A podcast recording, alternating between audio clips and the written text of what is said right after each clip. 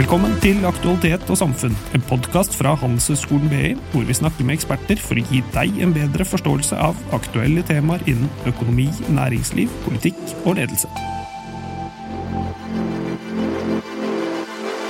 Mitt navn er Ole Petter Syris Leite, og i dagens episode skal vi snakke om boligmarkedet, prisutsikter og hvordan reguleringer og krav påvirker markedet. Med oss i studio har vi forretningsmann og eiendomsinvestor Christian Ringnes og Ella Getsvold, postdoktorstipendiat ved Institutt for finans ved BI. Velkommen til dere! Hjertelig takk. Vi har startet 2024 med den høyeste styringsrenten på 15 år, etter 14 strake rentehevinger siden 2021. Boligmarkedet ser ut til å holde seg relativt stabilt, men hvordan ser prognosene ut for 2024, og hvordan vil økende gjeldsvekst, lønn og rente spiller inn på markedet? Skal vi begynne med deg, Kristian? Gjerne det. Eh, det er jo selvfølgelig et 10 000 kroners spørsmål, i den forstand at ingen helt har svaret. Det er jo tre ting iallfall som eh, spiller inn. Ehm, det er jo balansen mellom tilbud og etterspørsel i markedet som bestemmer prisene. Og eh, det er verdt å merke seg at tilbudssiden faktisk er veldig viktig. Eh, og det er nok en av grunnene til at eh, markedet har holdt seg såpass godt som det har, til tross for alle rentehevingene som jo virker inn på etterspørselssiden. Og så har vi den psykologiske siden, og det har liksom ikke bitt helt. Jeg var på Theatercaféen i går kveld, det burde jeg kanskje ikke innrømme i et podkast, men det var jeg altså. Og det var en mandag kveld, og det var nesten fullt. Og det så ut som folk ikke bestilte bare de billige tingene. Så jeg tror ikke psykologien har slått helt innover oss. Jeg tror renteøkningene er i ferd med å merkes, men vi må ikke glemme at det er veldig mange mennesker som fremdeles har ganske god råd. Så jeg tror kanskje man må se på faktor nummer én, tilbudssiden, for å skjønne hvordan dette kommer til å gå fremover. Vil du kommentere, La? Ja, jeg, jeg, er jo enig i dette. Vi har jo nå lagt bak oss en periode med mange og ganske store renteøkninger, og det norske boligmarkedet har klart seg veldig bra. Det har nok vært overraskende for mange, og så har det hele tiden kommet eh, spådommer om at nå ser vi de store effektene av, av disse renteøkningene snart. Eh, men det virker jo på en måte mindre og mindre sannsynlig etter hvert som tiden går, at vi skal få store fall i boligprisene. Og nå er jo trolig eh, rentetoppen eh, nådd, og da blir det veldig spennende å se hva som skjer med rentene fremover, og, og ikke minst hvordan boligprisene reagerer når rentene nå kanskje går ned istedenfor mm. opp. Hvor rentesensitive boligprisene da er. Mm. Apropos rentetopp, mange eksperter og sjeføkonomer sier jo at vi eventuelt får et første rentekutt i, kanskje i slutten av 2024, eventuelt ikke før i 2025. Og så Norske husholdninger de må jo med andre ord forholde seg til fortsatt høye renteutgifter i uh, tiden fremover. Og I Norge så sparer jo mange til pensjon i bolig. Og ofte veldig mye vanligere å eie bolig i Norge sammenlignet med våre naboland, f.eks. Sverige. Men hva tenker dere, er bolig og eiendom fortsatt en like god investering som kun for noen år, noen år tilbake? Antagelig mye bedre. Antagelig bedre? Eh, fordi ja. nå har vi jo hatt, eh, om ikke en skarp nedgang, så har vi jo faktisk hatt iallfall stillstand. Og det er klart når inflasjonen løper, så betyr det at eh, det har vært en nedgang i realpriser på bolig. Eh, og vi vet også at det bygges ekstremt lite. Nå snakker jeg spesielt om Oslo-regionen, men også andre steder i landet går jo ikke regnestykkene sammen. Så boligprisene må faktisk enda litt opp eh, før man kan sette i gang bygging i storstilt eh, skala. Og kombinasjonen da at det blir lite tilbud fremover, og at vi forhåpentligvis har sett rentetoppen, det kan man jo snakke lenge om. Om det kanskje kommer et inflasjonsblaff til på et eller annet tidspunkt som gjør at man må sette opp renten enda mer. Men hvis vi forutsetter det som alle forutsetter i dag, nemlig det som Eh, min kjære meddebattant eh, hevdet, nemlig at nå er vi på rentetoppen og det er bare spørsmål tid når det går nedover igjen, så kan ikke jeg se annet enn at eh, om et år eller så, når prisene har utviklet seg sidelengs, litt nedover og så litt oppover igjen, så er tiden kommet til å investere. Men så skal man aldri glemme Steven Schwartzmanns gode råd. Eh, han er jo sjef for eh, Blackstone, og de vet jo hva de gjør. Han sier du skal aldri prøve å ta et marked på veien ned. Du skal vente til det har steget med 5-10-15% Da vet du at det er en oppgang der. And the trend is your friend. Mm. Så kanskje man skal være litt tålmodig, men jeg tror at det er en mye bedre idé å investere i dag enn det var for en stund siden. Mm. Hva tenker du, Ella?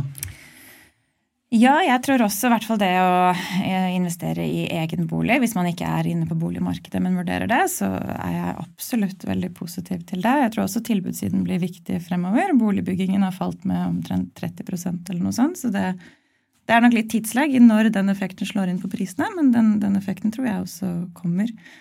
Og så eh, er rentenivået fortsatt høyt, og det kan jo godt hende at det blir liggende der en stund. Men har man muligheter òg, så syns jeg absolutt man skal komme seg inn på boligmarkedet. Mm.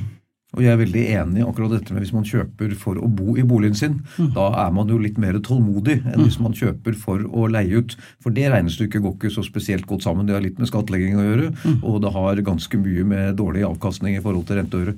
Men skal man bo der selv, så er jo hele systemet i Norge laget for at man skal være selveier. Det er skattemessig gunstig.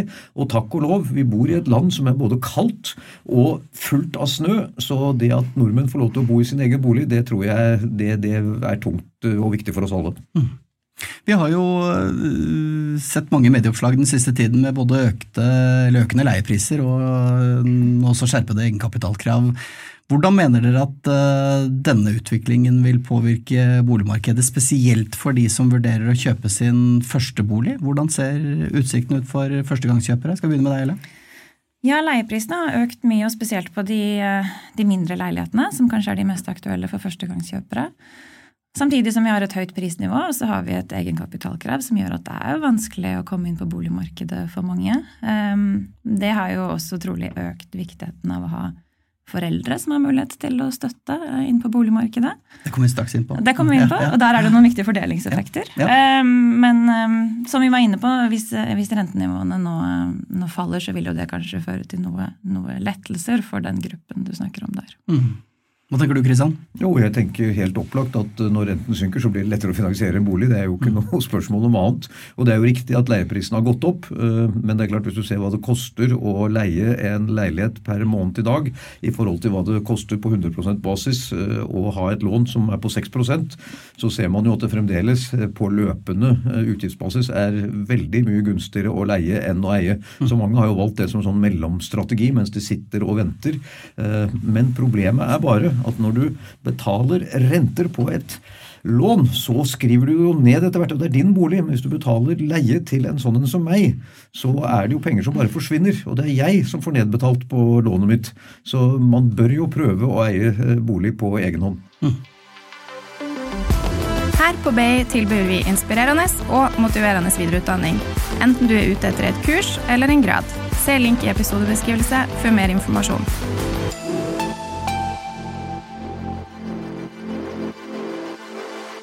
Over til eh, bidrag fra foreldre, som du nettopp nevnte. La unge mennesker er jo ofte avhengig av økonomisk støtte fra foreldre for å komme inn på boligmarkedet. Du har omtalt det som foreldre, foreldrebanken. Eh, og mange strekker seg jo langt for å oppfylle dagens egenkapitalkrav.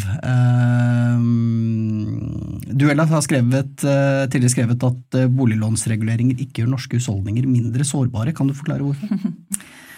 Ja, altså boliglånsreguleringen Forskjellige aktører har forskjellig idé om akkurat hva det er vi ønsker å oppnå med boliglånsreguleringen. Men en del vil jo peke på dette at det handler om hvor eh, sårbare husholdningene er for økonomiske tilbakeslag eller sjokk. Så om du skulle miste jobben, eller om boligprisene skulle falle mye, hvor mye kutter husholdningene i konsum? Og da har man gjerne vært opptatt av at hvis man har mye gjeld, hvis man har en høy belåningsgrad, så kutter husholdningene mer i konsumet sitt. Og det tror jeg har vært en viktig motivasjon for utlånsreguleringen. Og så har eh, det kommet mer fokus i det siste også på likviditet. Så at det ikke bare er belåning som er viktig, men også hvor mye likvide midler eh, husholdningene har.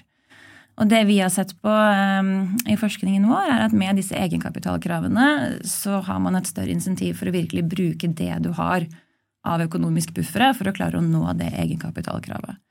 Så da sitter du kanskje igjen med husholdninger som har mindre belåning, men som også har lite likviditet. Og da er det ikke åpenbart at de er eh, mer robuste, eller at de er mindre sårbare for denne typen økonomiske tilbakeslag. Mm. Vil du kommentere, Kristian?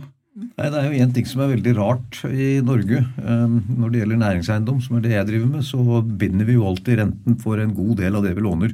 Mens eh, rådende oppfatning blant boliglånere i Norge er la oss ta flytende rente. Og det er jo det som er et av de store problemene, sånn som det ser ut i dag iallfall. Eh, hadde man bundet renten for to-tre år siden, eller halvparten av den, eh, som man kanskje kunne gjort, så ville jo eh, det sett helt annerledes ut. Og Det samme gjelder jo finansiering nå. Det er billigere å låne langt enn kort. Det er ikke sånn som det pleier å være. Så det er klart, det å være åpen for litt mer langsiktig rentebinding enn det nordmennene generelt sett er, det hadde sikkert ikke vært så dumt for nordmennene. Og så er det selvfølgelig veldig bra for staten, for det er mye lettere å styre en økonomi hvor alle har flytende rente, for da kan du bare bevege på renten, og så får du satt ned den økonomiske farten nesten automatisk. Men eh, jeg er for eh, god nattesøvn, og da vil jeg anbefale folk å binde renten på eh, de lånene de har. Ikke fullt og helt, men kanskje med 50 mm. Etterlyser dere noen tiltak fra norske politikere for at det skal bli enklere å komme seg inn på boligmarkedet? Er det behov for mindre eller mer reguleringer? Ja, det er jo et stort og spennende spørsmål. Dagens utlånsregulering utløper jo i 2024. Så det er jo en revideringsprosess. Hva som kommer av endringer, om det kommer endringer, det blir veldig spennende å se. Men eh, jeg tror det er opplagt at det er noen negative effekter av utlånsreguleringen, og at det er noen negative fordelingseffekter. Det tror jeg absolutt. Så de som rammes hardest, er jo de som har lite egenkapital eh, når de skal inn i boligmarkedet, og som også da gjerne har lite mulighet til å få økonomisk hjelp fra foreldre eller andre. Mm. På Frogner Eh, rundt århundreskiftet så fikk man betalt for å bo i leiligheter. Eh, fordi da dekket man iallfall litt av fellesutgiftene i eiendommen. Det var bare én grunn til det, og det var at det var voldsomt overbygget. Hele Frogner ble jo bygget eh, i løpet av 20 år, og det var veldig mye med en så liten befolkning som det var i Oslo den gangen. Um, så mitt beste råd til politikerne er ja, vel og greit å tukle med utlånsregulering og egenkapitalkrav og hvor mange ganger disponibel inntekt osv. Men det aller viktigste er jo å få fart på boligbyggingen. Og det er to store problemer med det i dag, og spesielt da i pressområdene i de store byene. Det ene er at det går forferdelig langsomt, og at alle syns et eller annet om ethvert boligprosjekt, så de kommer rett og slett ikke av bakken. Og det andre er at man på død og liv, eh, de aller fleste delene av Oslo, vil ikke bygge ettroms- og små toromsleiligheter. Det er en sånn normfordeling av leiligheter hvor man skal ha mest treroms, en del fireroms, og så skal man få lov til å ha litt toroms til nød. Men ikke noe ettroms, fy-fy. Og ettroms er jo faktisk det folk har råd til, og hvis du er ung, så er det der du har lyst til å bo. Det er et veldig godt startpunkt. Så hvorfor politikerne skal legge seg opp i hva folk har lyst til å bo i, ja, it beats me. Så altså, råd nummer én, eh, gjør reguleringsprosessene raskere og lettere. Og råd nummer to, skrap leilighetsnormen som bare er til ugagn. Mm. Jeg er enig i dette. Eh, jeg, ser, jeg, ser, absolutt at det er noen poenger der, ja. Mm.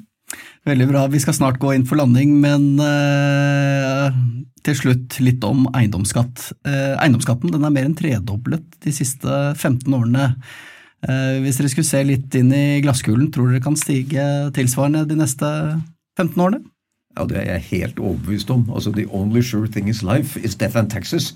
Så at man vil søke å skattlegge så mye man bare syns at befolkningen tåler, det er jeg helt sikker på. Nå har vi jo heldigvis da, eh, sett med skatteøyne, eh, fått i Oslo og i mange andre store byer eh, mer konservative, altså høyresidebyråder. Og de har jo sagt at de skal enten stabilisere eller avvikle over tid eiendomsskatten. Men så er det jo det at disse pendlene svinger frem og tilbake, så det er vel ikke lenge før vi har Reimond eller noen lignende ved makten igjen. Og da skal det jo skrues til, slik at vanlige folk skal få lov til å smake hvordan det er å eie eiendom, for det skal koste skatt. Ikke sant. Hva tenker du, Ella? Um, ja, altså Denne tredoblingen er kanskje snakk om antall kroner som er dratt inn i eiendomsskatt. Så man må jo også tenke mm. at det har vært en stor økning i boligpriser i denne perioden, og yes. i prisnivået eh, generelt. Og så er det jo viktig å tenke på alle de fordelene som er ved å eie bolig også. Med type med rentefradrag, og at hvis du selger bolig som du har bodd i, så slipper du å betale skatt av den gevinsten osv. Så, videre. så det er jo en del fordeler også.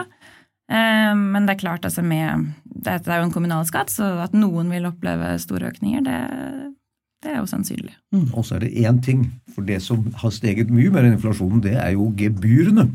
Vann- og avløpsgebyr. Mm. Så når de bygger seg bort med forskjellige bassenger og forskjellige og alt mulig sånn, så er det jo Det blir bare lagt på som ytterligere gebyrøkning. Jeg tror gebyrøkningen i Oslo var ca. 25% over de to siste årene. Mm. Det har det ikke vært snakket så mye om, mm. men det virker jo på forbrukerne, det også.